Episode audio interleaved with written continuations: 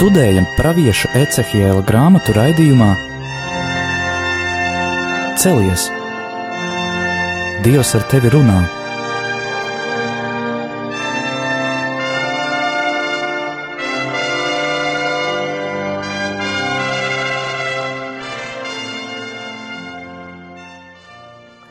Slavēts Jēzus Kristus. Mūžīgi mūžos slavēts. Studijā ir Stela un Anģela. Turpināsim lasīt, ko Dievs runā caur pravieša Ecihēla vārdiem, un atcerēsimies par pagājušo reizi, kad sākām jau lasīt 21. nodaļu. Redzējām, kad nedaudz atšķiras no krievu tulkojuma, ka īsais teksts par mežu nav atrodams krievu tulkojumā, bet ir latviešu valodā. Un paskatījāmies šos divus aspektus, ka mežs apzīmē dažādus cilvēkus, dažādi taisnīgi, netaisnīgi, dažāda vecuma, dažādas kārtas, un ka šī uguns iznīcina. Un nedaudz es pieskāros arī tam, ka Šāda iznīcinoša uguns var būt cēlusies jau no cilvēku pašu nesaskaņām. Un šodien mēs mēģināsimies paskatīties, mēģināsim paskatīties vairāk, kas ir rakstīts šajā 21. nodaļā, un te jau pirms raidījuma radās mums šis jautājums par to devīto pantu Tāpēc, ka es gribu iznīcināt tevī taisnos un netaisnos, man zobens nāks ārā no savas maksas un vērsīsies pret visiem cilvēkiem no dienvidiem līdz ziemeļiem. Tātad kunga dusmas skar ļoti tādu plašu cilvēku loku un tiešām rodas jautājums, ko tad ir noziegušies arī tie taisnīgie, kāpēc taisnīgie.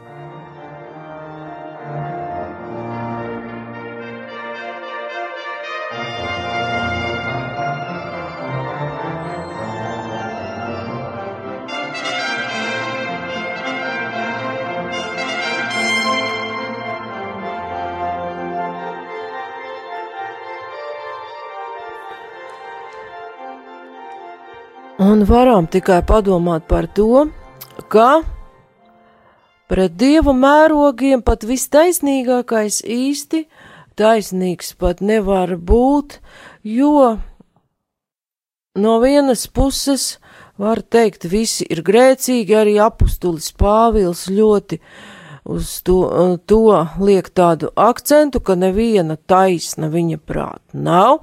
Vecajā derībā īeps pastāv uz to, ka ir taisnīgs un pat grib iet ar dievu tiesā, bet atceroties radīšanu, ka cilvēks pats grib noteikt labu un ļaunu, mēs tikai varam saprast to, ka mums ikvienam, pat vistaisnīgākajam, kļūst pietrūkst šīs dieva apredzības pilnības.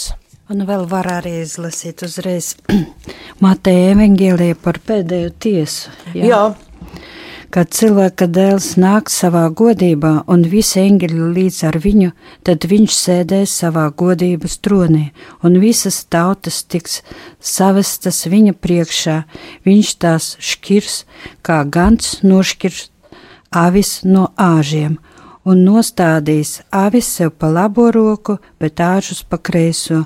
Tad ķēniņš sacīs tiem, kas pa labi, jūs, mana tēvas svētītie, nāciet, mantojiet valstību, kas jums sagatavota kopš pasaules radīšanas, jo es biju izsalcis un jūs devāt man ēst. Es biju izslāpis un jūs devāt man dzert. Es biju svešnieks un jūs mani uzņēmāt. Es biju kails un jūs mani apģērbāt Es biju slims, un jūs mani apraudzījāt. Es biju cietumā, un jūs nācāt pie manis. Tad taisnē viņam jautās: Kungs, kad mēs esam tevi redzējuši izsalkušu un esam devuši ēst, vai izslāpušu un esam devuši dzert?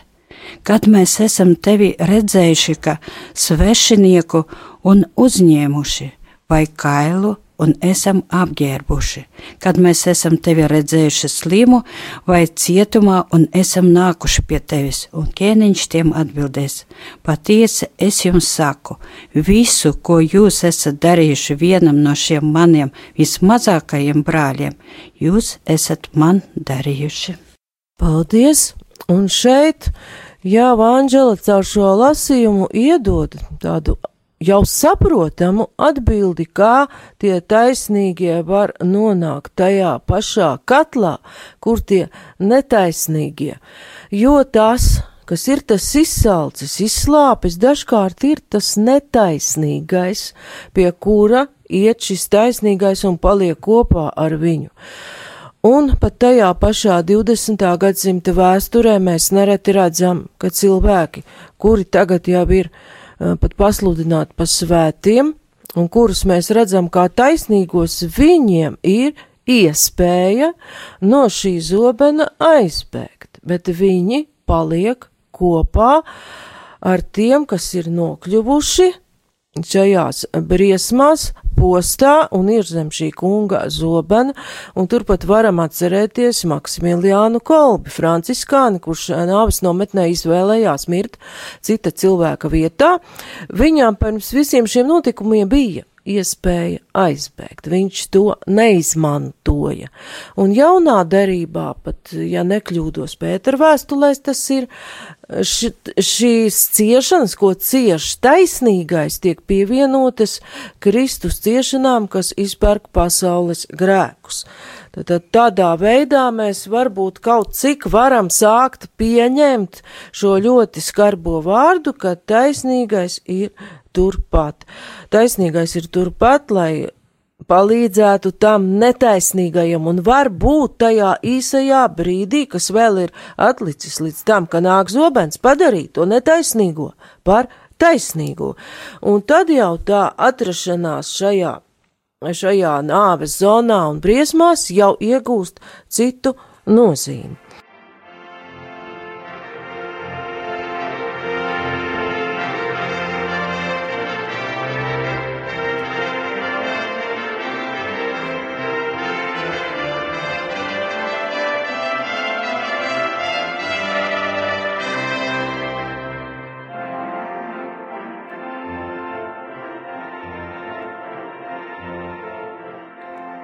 Jau iepriekš mēs redzējām, ka kungs aicina pravieti būt līdzjūtīgam ar savu tautu, ciest kopā ar to.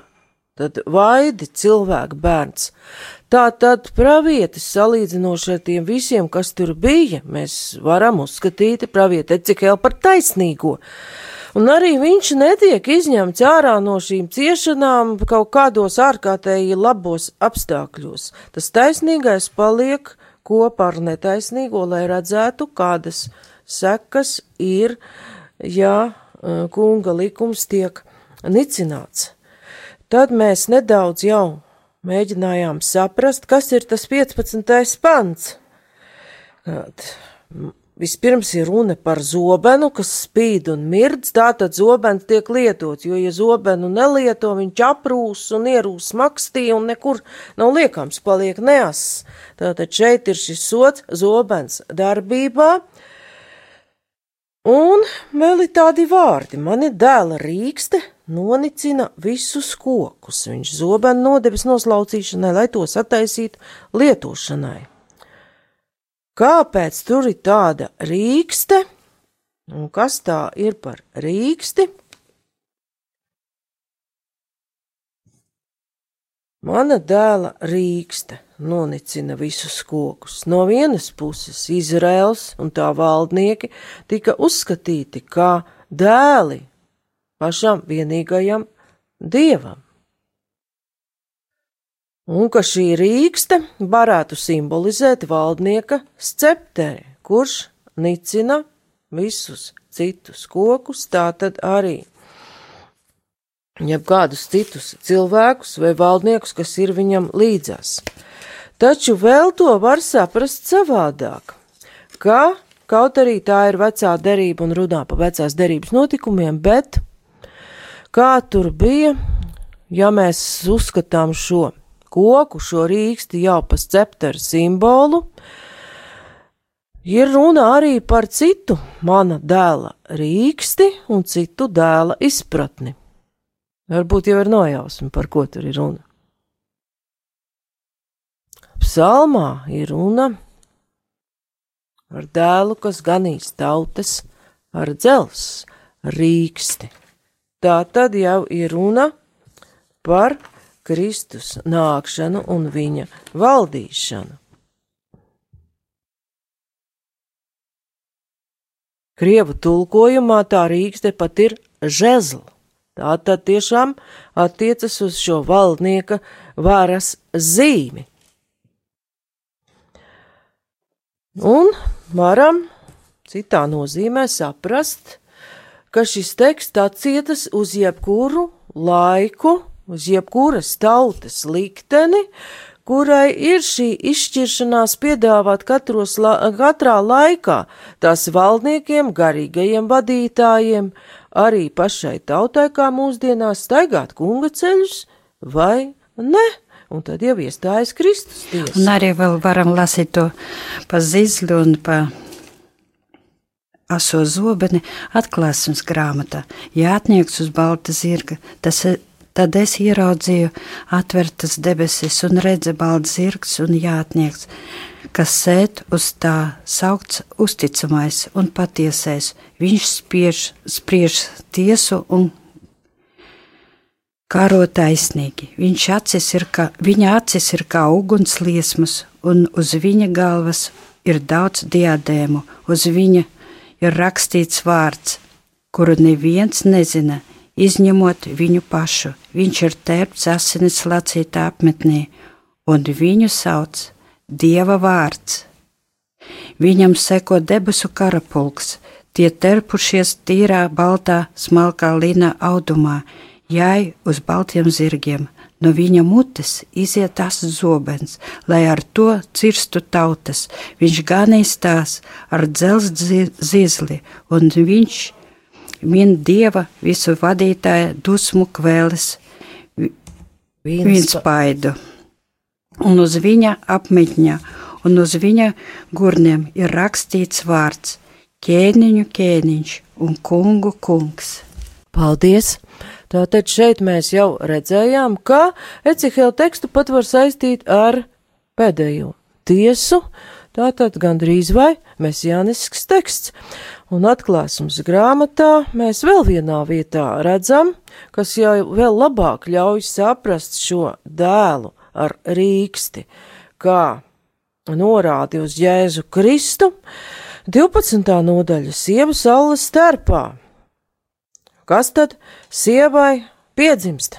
12.5. atklāsmes grāmatā. Viņai piedzima bērns, dēls, kam bija ganīti visas tautas ar dzels zizli, un viņas bērns tika aizrauts pie dieva un pie viņa troņa. Anģels lasījumā, ja mēs jau redzējām, ka šis bērns jau vairs nav mazais bērns, bet tas ir valdnieks baltā zirgā, un redzējām tur arī zobenu, ka šis dieva vārds spriež tiesu, un ja mēs lasītu Jāņa evaņģēliju, mēs redzētu, ka vārds, iemiesūtais vārds attiecas tieši uz Jēzu Kristu. Tātad šādas uh, domas mēs varam atrast īsā Ecihela grāmatas fragmentā, tātad arī visos notikumos, jau no pestīšanas vēstures iesākuma, un pat pirms pašiem aizmūžiem Jēzus Kristus Dieva vārds ir klātesošs.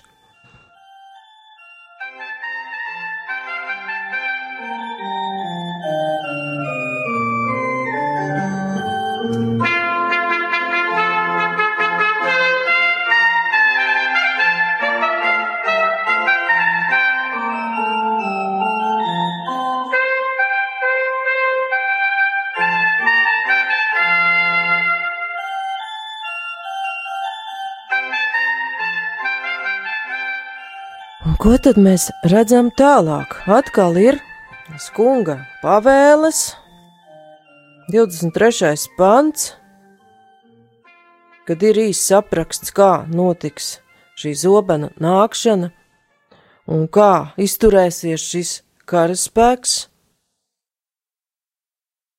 23. pāns atkal ir tas pats, pie kā mēs jau gandrīz pieradām, un kā Anģela saka, Cihela grāmata it kā staigā pa apli, bet var teikt, tas ir tāds spirālveida aplis, kā šo Dieva dusmu nākšanas paredzējumi kļūst arvien spilgtāki, arvien koncentrētāki, un pravietis atkārto un atkārto pēc principu, kā mēs varētu teikt, atkārtošana zināšanu māte, bet kaut kā tai tautai tās zināšanas neiet un neiet sirdī iekšā. Viņš atkārto pacietīgi, eh, cerībā, ka varbūt tiks uzklausīts, bet šī staigāšana drīzāk varētu teikt pa spirāli mūsu grāmatas beigās aizvedīs pie tempļa atjaunošanas, un arī tur mēs redzēsim ļoti daudzus tēlus, ko vēlāk Patmosas Jānis ir izmantojis savā grāmatā, lai runātu jau par mūžīgo Jeruzalemi. Un kunga vārds ir blakus, kā mēs eh, no krievu tulkojuma redzam. Cilvēku bērns uzzīmē sev garā divus ceļus, pa kuriem jānāk bābeles ķēniņa zobeniem. Zobenam tiem abiem jāiziet no vienas zemes. Tad uzliec ceļu sākumā ceļa rādītāju kā uz vienu, tā arī uz otru pilsētu. Bet tad Ecehēlam gandrīz kā ignāciskos vingrinājumos ir jādarbina savu iztēli, jāzīmē šie divi ceļi, kur iziet no vienas vietas, jā, no Bābeles ķēniņa valsts, no viņa galvaspilsētas, un redzam vēl to, ka līdz galam vēl viss nav pilnībā skaidrs, ka it kā ir tāds mm, neskaidrs moments, ka varētu būt, tāds risinājums, ka tas Bābels ķēniņš uz Jeruzalemi varētu tajā brīdī arī neiet. Kāpēc ir šis neskaidrības moments? Nu, atkal Dievs līdz pēdējam grib dot tautai kādu iespēju labot savu situāciju. Tāpēc arī tie taisnīgie tur ir un paliek līdz pēdējam un neiet prom, Jo mēs pat laicīgā dzīvē zinām, kas pamet kuģi pēdējais kapteinis, un ļoti bieži viņi arī aiziet bojā ar to kuģi. Tāpat arī šie taisnīgie tur paliek. Un Bābeles ķēniņš izrādās, ka vēl domā, lai zobens varētu nonākt. Kāpēc tie divi? Tāda kā dakša ir garā jāzīmē, varētu nonākt tik labi Amona bērnu pilsētā Rabatā, kā arī pāri Jūdai stiprajā Jeruzalemē pilsētā tieši tās vidū. Kā zobens varētu iet pie kāda, kādas pagānu tautas, uz tās galvaspilsētu, vai uz Jeruzalemi. Tajā laikā bija situācija, ka Jeruzalemes varenie ļoti paļāvās uz visiem šiem nocietinājumiem un arī uz tādu tīri cilvēcisku lietu, kas arī mūsdienās nav sveša paļāvās uz militāru savienību ar Ēģipti. Un kā tad tas Bābels ķēniņš stāv ceļu jūtīs abu ceļu sākumā? Kur tie šķiras?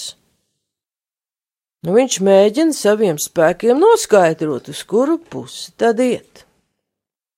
Un tā liekas, nu kāds te viņai met, viņa metodē vispār varētu būt sakars ar vienīgo dievu, un, un kunga vārdu. Ko tad viņš tur dara? Viņš zīlē. Tad dara tādu darbību, ko vecā darīja vispār aizliedz. Bet Bābels ķēniņa reliģiskajos uzskatos un viņa kultūrā tam visam bija ļoti ievērojama vieta, jo tieši ar dažādiem zīlēšanas paņēmieniem tika izšķirta tautu nākotne, valdnieka rīcība, dažkārt varēja pat būt spriesta tiesa. Viņš met bultas, viņš izvaicā savus mājas dievus un zīlē pēc upura dzīvnieka aknām. Tātad pat īsi raksturoti tie paņēmieni, acīm redzot, uz vienas bultas bija rakstīts Jeruzaleme, uz citas bultas tā rabata, un arī šī zīlēšana pēc dzīvnieku aknām un mājas dievu iztaujāšana bija austrumu tautām ļoti populāra, un vēlākā laikā jau to pazina arī senajā Romā un Grieķijā, pat īpaši pēc dzīvnieku iekšām, senajā Romā tā sauktie auguri, ja priesteri paraģoja nākotni. Un interesanti ir tas, ka te mēs redzam, ka pat tādā nu, pagāniskā procesā izrādās ir klāt vienīgā dieva grība, ka viņš dod ķēniņam šo rezultātu viņa zīlēšanas procedūrai, kas norāda, kā mēs lasām 27. pantā, zīlēšanas zīme rāda no viņa pa labo roku uz Jeruzālemi, un viņam tagad tikai jāatver mute aicinājumam uz karu, lai liktu atskanēt skaļam kaujas saucienam, lai tiktu virzīti graujamie āži pret pilsētas vārtiem, celti uzbērumi un sastatīti apleku, aplenkuma torņi.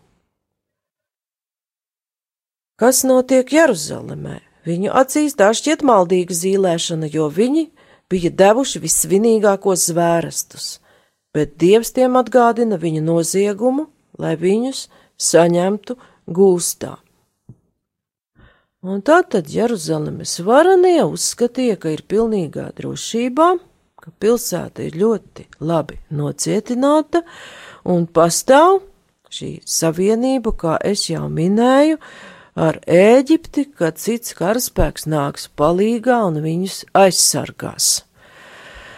Un tad rodas šis jautājums, vai arī tas nenotiek mūsdienās, kā tautas ļoti daudz paļaujas tieši uz militārām un cita veida savienībām, arī uz savu militāro budžetu, un ieroču modernizāciju, noliekot malā atziņas, ka tomēr cilvēks nav pilnībā noteicējis par sevi savu dzīvi, par to, kas tālāk notiks viņa zemē viņa tautas vēsturē.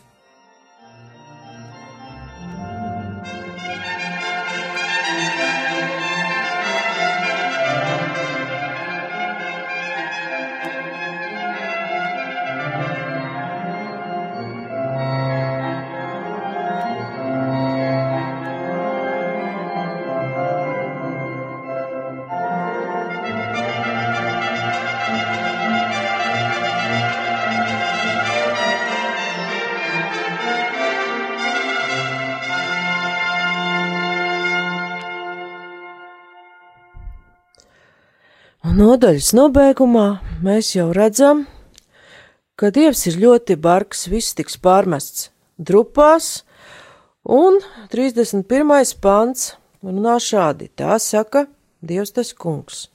Nost ķēnišķīgo galvasrotu, nost vainagu, tas nepaliks tā, kā tas ir tagad. Zemajam jāto paaugstinātam un augstajam pazemotam. Un mēs jau šo principu redzam arī jaunajā derībā, kad Jēzus saka, pēdējie būs pirmie un pirmie pēdējie. Bet 31. pants norāda uz ķēniņu cedekiju, ka tas zaudēs savu kroni un tiks aizvests gūstā. Un vēl mēs redzam, Arī 29. pantā Dievs atgādina,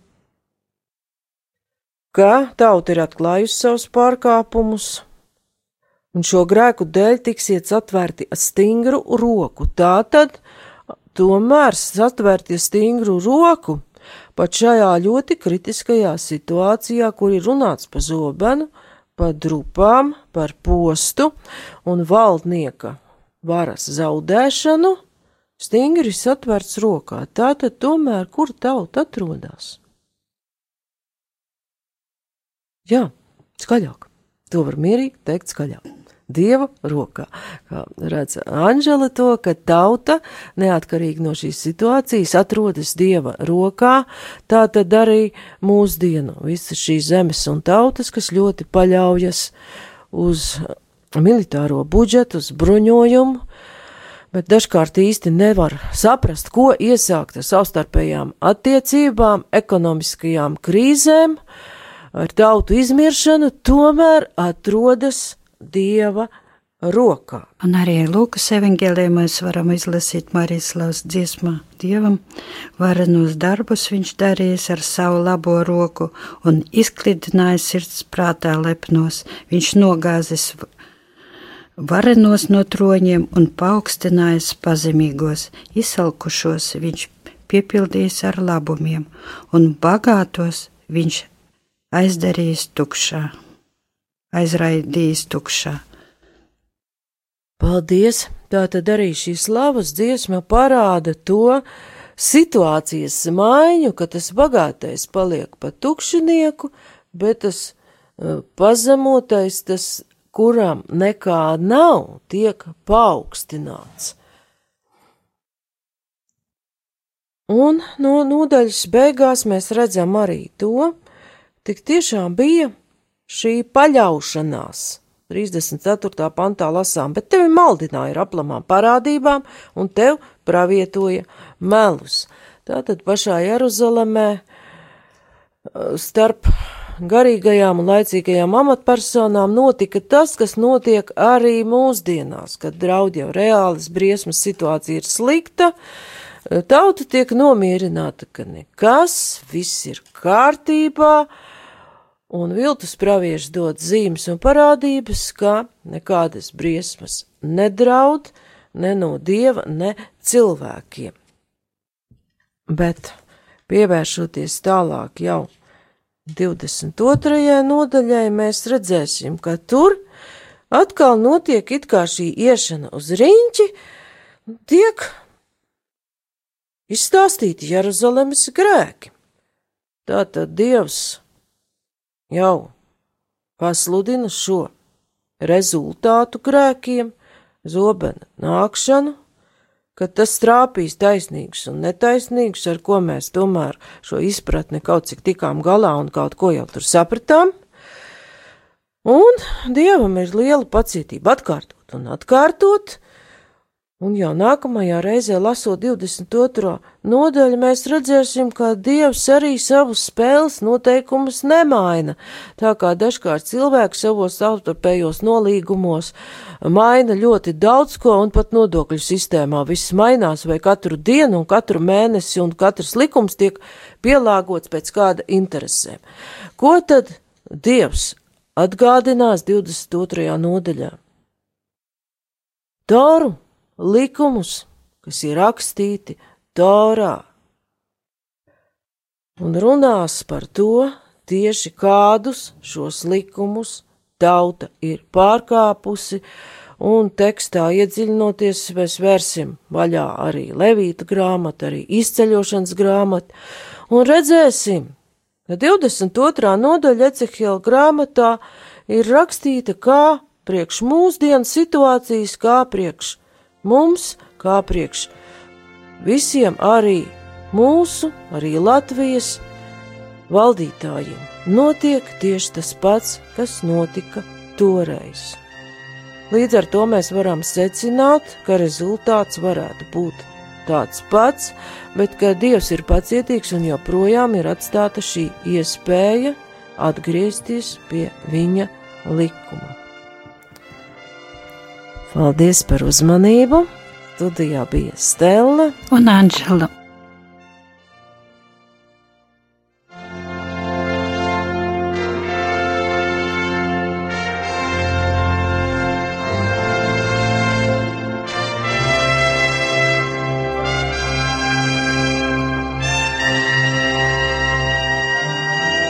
Izskanēja raidījums